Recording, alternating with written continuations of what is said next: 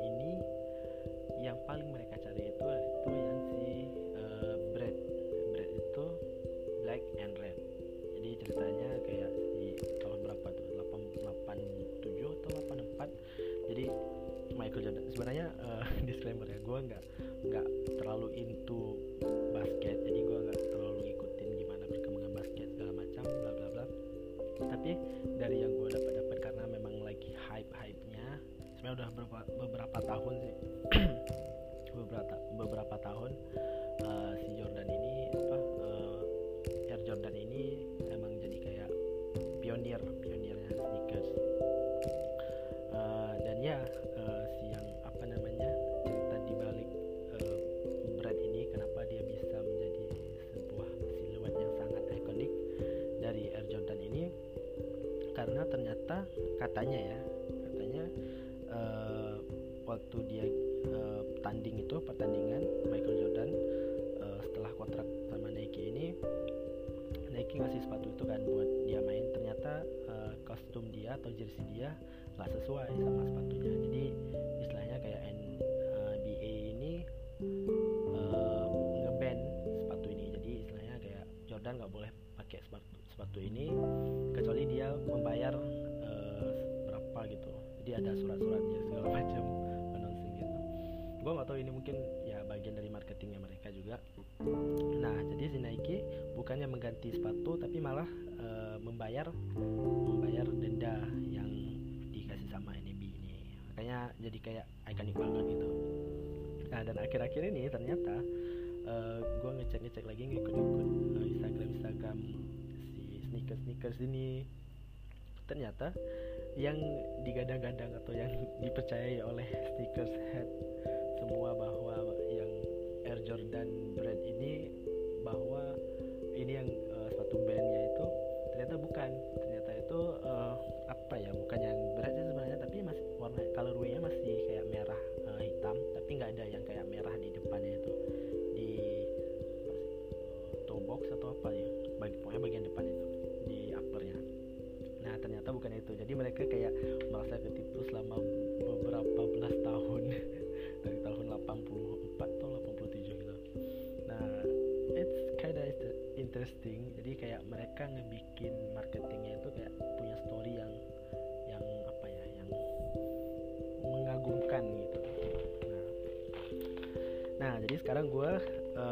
wishlist lagi nih si Jordan um, Air Jordan One.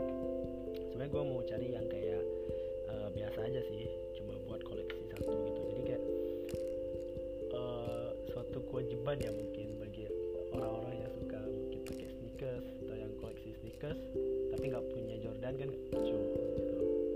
Dan gue baru baru uh, dapat dapat mindset yang kayak gitu ya itu dia oke okay. itu nih